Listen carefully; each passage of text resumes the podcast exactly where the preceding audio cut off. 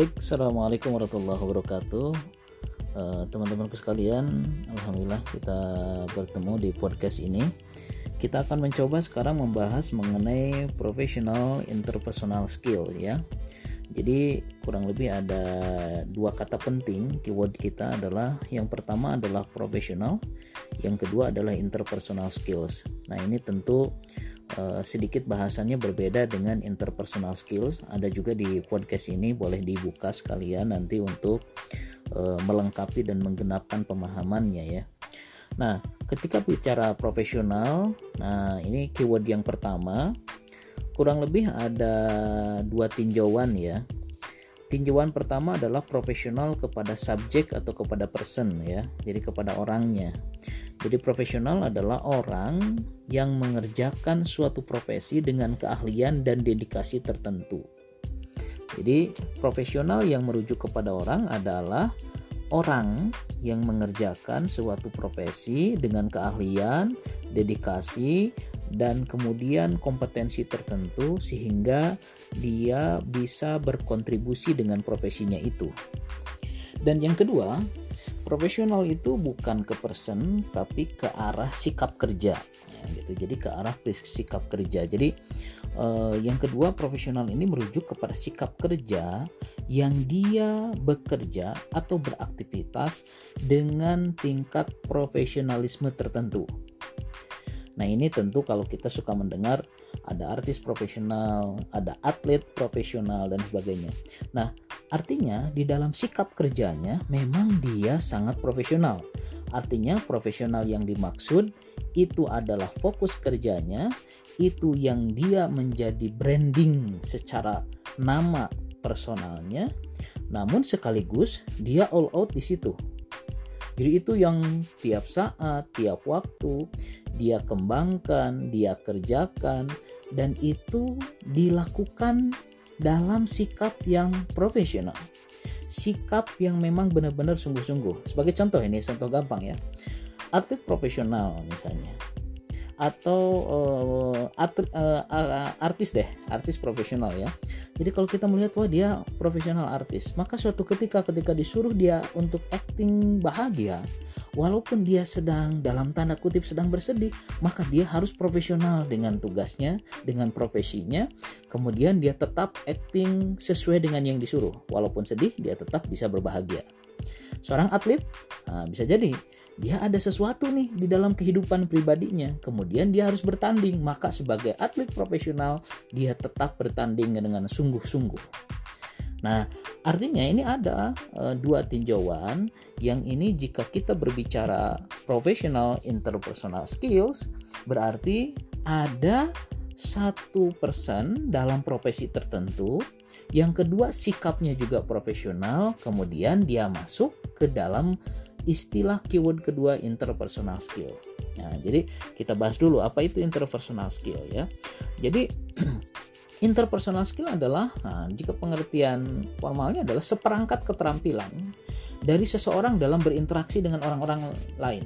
Jadi artinya ini eh, ada orang, ada orang-orang lain. Jadi dengan orang lain atau orang banyak lah kurang lebih. Nah ini makanya disebut seperangkat keterampilan. Ya, jadi bahkan dalam domain bisnis, dunia kerja, istilah interpersonal skill mengacu kepada kemampuan seorang karyawan misalnya untuk berkomunikasi dan berkolaborasi dengan pimpinan, mitra kerja, bawahan dan sebagainya. Jadi ini adalah kalau di dalam soft skill kan kita melihat ada dua besar bahasan. Yang pertama intrapersonal skill, bagaimana keterampilan untuk mengendalikan diri sendiri.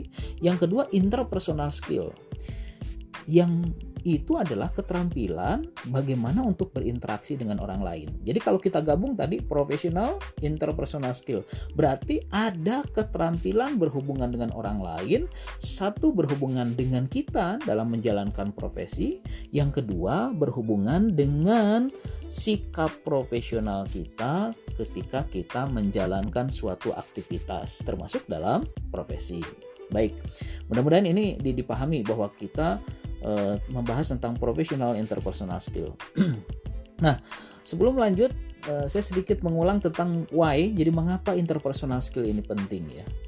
Jadi yang pertama kebutuhan terhadap pihak lain. Nah, kita memang butuh terhadap pihak lain. Tidak ada di dunia ini yang bisa sendirian. Kita pasti membutuhkan pihak lain untuk memenuhi kebutuhan kita ataupun untuk kebutuhan-kebutuhan yang lain. Termasuk nanti ada kebutuhan kedua dan ketiga. Tapi yang intinya manusia adalah kita sering kali mendengar makhluk sosial tentu butuh kepada orang lain. Makanya interpersonal skill ini lebih kepada keterampilan fitrah ya, keterampilan fitrah karena manusia memang akan berkomunikasi dengan yang lain. Yang kedua, nah ini ini ini eh, kebutuhan pada pihak lain itu yang kedua jika dijabarkan lagi salah satu kebutuhannya adalah kita membutuhkan pengakuan. Setiap manusia itu membutuhkan pengakuan.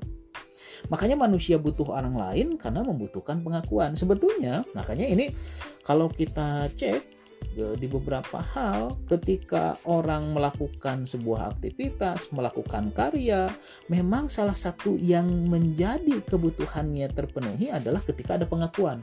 Karyanya bagus, postingannya keren gitu ya. Sehingga kalau kita melihat di perilaku sosial media ada orang yang bahkan ujung-ujungnya bisa jadi kejebak sebetulnya kalau terlalu jauh. Namun ini diakui sebagai fitrah dia seneng kalau ada like gitu ya. Kita misalnya seneng kalau ada komen di postingan kita dan komennya positif itu memang memperlihatkan bahwa kita membutuhkan pengakuan makanya nanti dalam dunia pekerjaan apalagi kita jadi leader pemimpin sering kali kita harus memakai kaidah itu untuk memberikan apresiasi. Kenapa? Karena tim kita, bawahan kita membutuhkan pengakuan. Makanya kebutuhan interpersonal skill yang kedua adalah karena manusia itu membutuhkan pengakuan. Nah, dan yang ketiga, ini interpersonal skill ini menjadi salah satu solusi bagaimana membentuk eksistensi ya.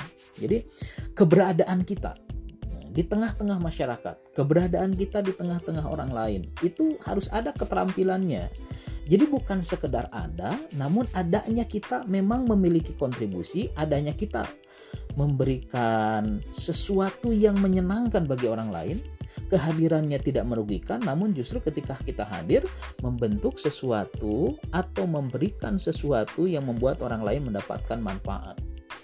Jadi inilah mengapa penting interpersonal skill itu dalam mengelola kebutuhan kita untuk keperluan terhadap pihak lain. Yang kedua, bagaimana juga ketika nanti memenuhi kebutuhan pengakuan dan yang ketiganya, bagaimana kita mengelola gitu ya. Mengelola solusi untuk membentuk eksistensi. Nah, profesional interpersonal skill ini kurang lebih akan mencoba untuk lebih membahas mengenai poin ketiga tadi itu bagaimana eksistensi kita itu memberikan manfaat. Nah, sehingga di dalam profesional interpersonal skill kali ini kita akan coba membahas dua bahasan gitu ya. Yang di podcast yang pertama ini kita akan membahas dulu mengenai bagaimana membentuk personal branding, kemudian bagaimana melakukan keterampilan-keterampilan interpersonal dalam profesi kita semuanya. Oke, okay. baik teman-teman sekalian, di dalam keahlian uh, interpersonal skill, keterampilan interpersonal, kita sebetulnya dalam konteks profesionalisme gitu ya. Jadi dalam konteks bahwa kita sedang uh, melakukan interpersonal skill yang profesional, itu akan berbicara mengenai bagaimana membentuk merek kepada diri kita sendiri. Mungkin dalam kesempatan yang lain, teman-teman sekalian sudah belajar apa itu personal branding gitu ya. Jadi mengapa diri itu perlu merek Nah ini kan menjadi penting karena merek satu kalau di dalam kaidahnya satu akan membuat kita dikenal, yang kedua akan membuat nilai kita bertambah. Nah, gitu. Ingat kalau kita melihat produk saja, produk itu dikenal gara-gara ada merek gitu ya. Kalau nggak ada mereknya kan tentu bakal banyak. Ayo kita beli misalnya eh, apa lemon lemon apa? Merek apa tuh lemonnya yang bagus? Misalnya kalau ada ekstrak kan sekarang ada ekstrak lemon gitu ya. Kemudian misalnya beli kalau di dunia farmasi misalnya beli obat untuk pusing. Obatnya apa gitu. Nah obat apa merek itu menentukan supaya dikenal. Yang kedua dalam beberapa hal merek itu akan membantu menaikkan selain tadi dikenal tapi menaikkan harga Makanya ada barang tertentu yang sama namun harganya berbeda itu ditentukan oleh mereknya. Nah, gitu ya, ditentukan oleh mereknya. Lagi-lagi kalau kita berbicara kepada personal, kepada diri kita sendiri, sama seperti itu. Manusia juga di dalam konteks interpersonal skillnya, apalagi ini ada satu kata lagi namanya profesional. Jadi ketika profesional, maka manusia memerlukan merek atau dia secara langsung disadari atau tidak dia sedang membentuk merek. Yang mereknya itu dua ya. Dua. Yang pertama memang tadi membuat dia dikenal. Kayak misalnya saya nih, Anas, dikenalnya apa ya? Oh, misalnya dia di soft skill ya, dia di trainer, dia dosen teman-teman misalnya ya misalnya si X. Si X ini dikenalnya karena dia apoteker karena dia adalah bankir karena dia adalah pengusaha. Itu dikenal ya. Yang kedua menaikkan citra. Nah, menaikkan bahkan bisa jadi menaikkan harga. Ketika ada dulu ada namanya manajer satu miliar memang betul dia katanya kalau melakukan konsultasi atau konsultasi kepada dia untuk mengerjakan sesuatu maka bayarnya kurang lebih satu miliar. Dan orang merasa oh itu wajar ya karena misalnya dia brandingnya sudah tinggi. Makanya berbicara personal branding membentuk merek ini akan tidak terlepas dari interpersonal skills. Karena membentuk merek di dalam kehidupan sosial is all about relationship.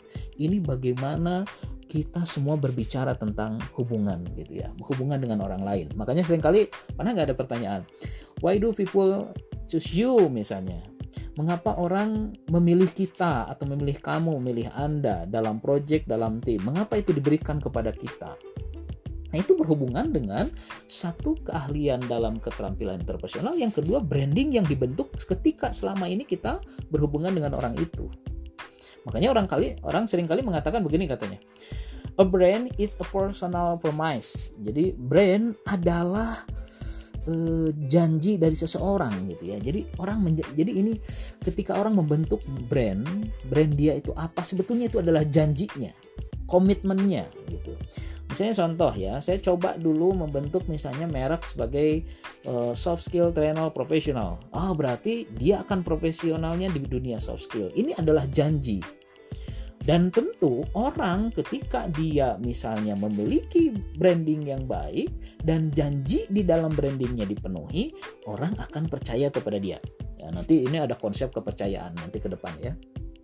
Nah, makanya personal branding yang kuat bisa ini memang membantu ya. Ketika misalnya dalam teman-teman uh, job placement misalnya penempatan kerja kemudian nanti saat interview juga kelihatan ya ada branding tertentu dalam promosi partnership kerjasama. Atau misalnya di dalam uh, keterikatan dalam ngobrol kehidupan sehari-hari orang jadi percaya oh ketika kita sudah punya merek gitu ya Nah, dalam kegiatan saya sering kali kalau ngisi seminar suka ngeliat oh ya misalnya ini telat terus itu itu sedang membentuk merek. Akhirnya teman-temannya jadi tahu oh iya dia itu yang suka telat tuh kemarin gitu ya. Nah oke okay. baik teman-teman sekalian. Nah bagaimana ini brand itu dibentuk ketika kita melakukan uh, aktivitas interpersonal ketika berhubungan dengan orang lain? Nah ini ada beberapa uh, poin ya yang membentuknya. Yang pertama adalah sesuatu yang membedakan pembeda. Jadi biasanya orang akan terbentuk mereknya saat dia berbeda. Misalnya berbeda dalam cara bicara, berbeda dalam mengemas diri misalnya dalam bajunya agak unik itu membentuk merek ketika dia berhubungan dengan orang lain gitu ya. Jadi pembeda. Yang kedua adalah konsistensi. Jadi sesuatu yang terus dilakukan. Itu misalnya orang, misalnya yang terus dilakukan misalnya tiap hari kalau ketemu orang itu pakai topi, maka orang jadi ingat siapa tuh si X. Oh, si X itu yang sering pakai topi si X itu yang tiap hari pakai kacamata misalnya. Yaitu konsistensi. Terus ada juga excellences. Jadi ada juga merek itu terbentuk karena kita punya keahlian yang sangat sangat sangat gitu ya. Sangat sangat itu artinya keahlian yang hebat. Kita ingat Ronaldo sebagai pemain bola gitu ya.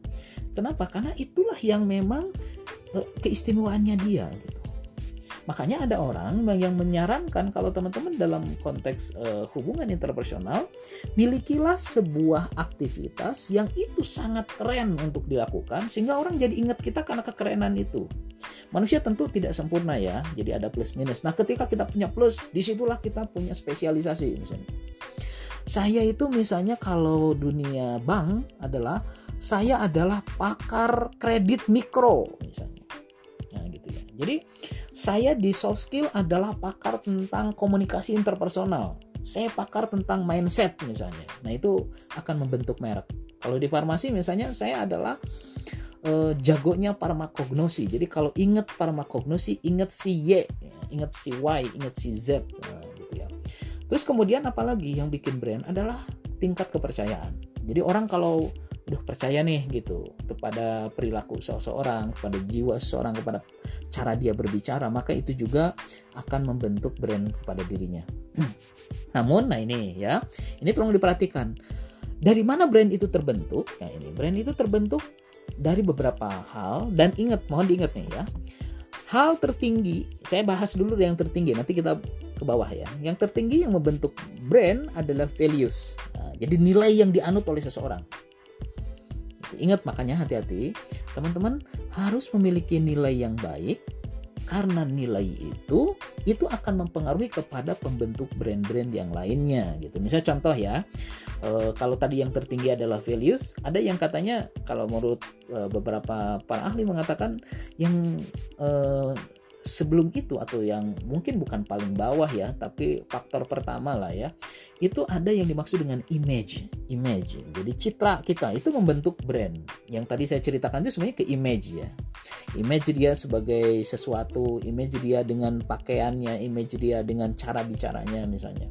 Itu itu membentuk image gitu ya.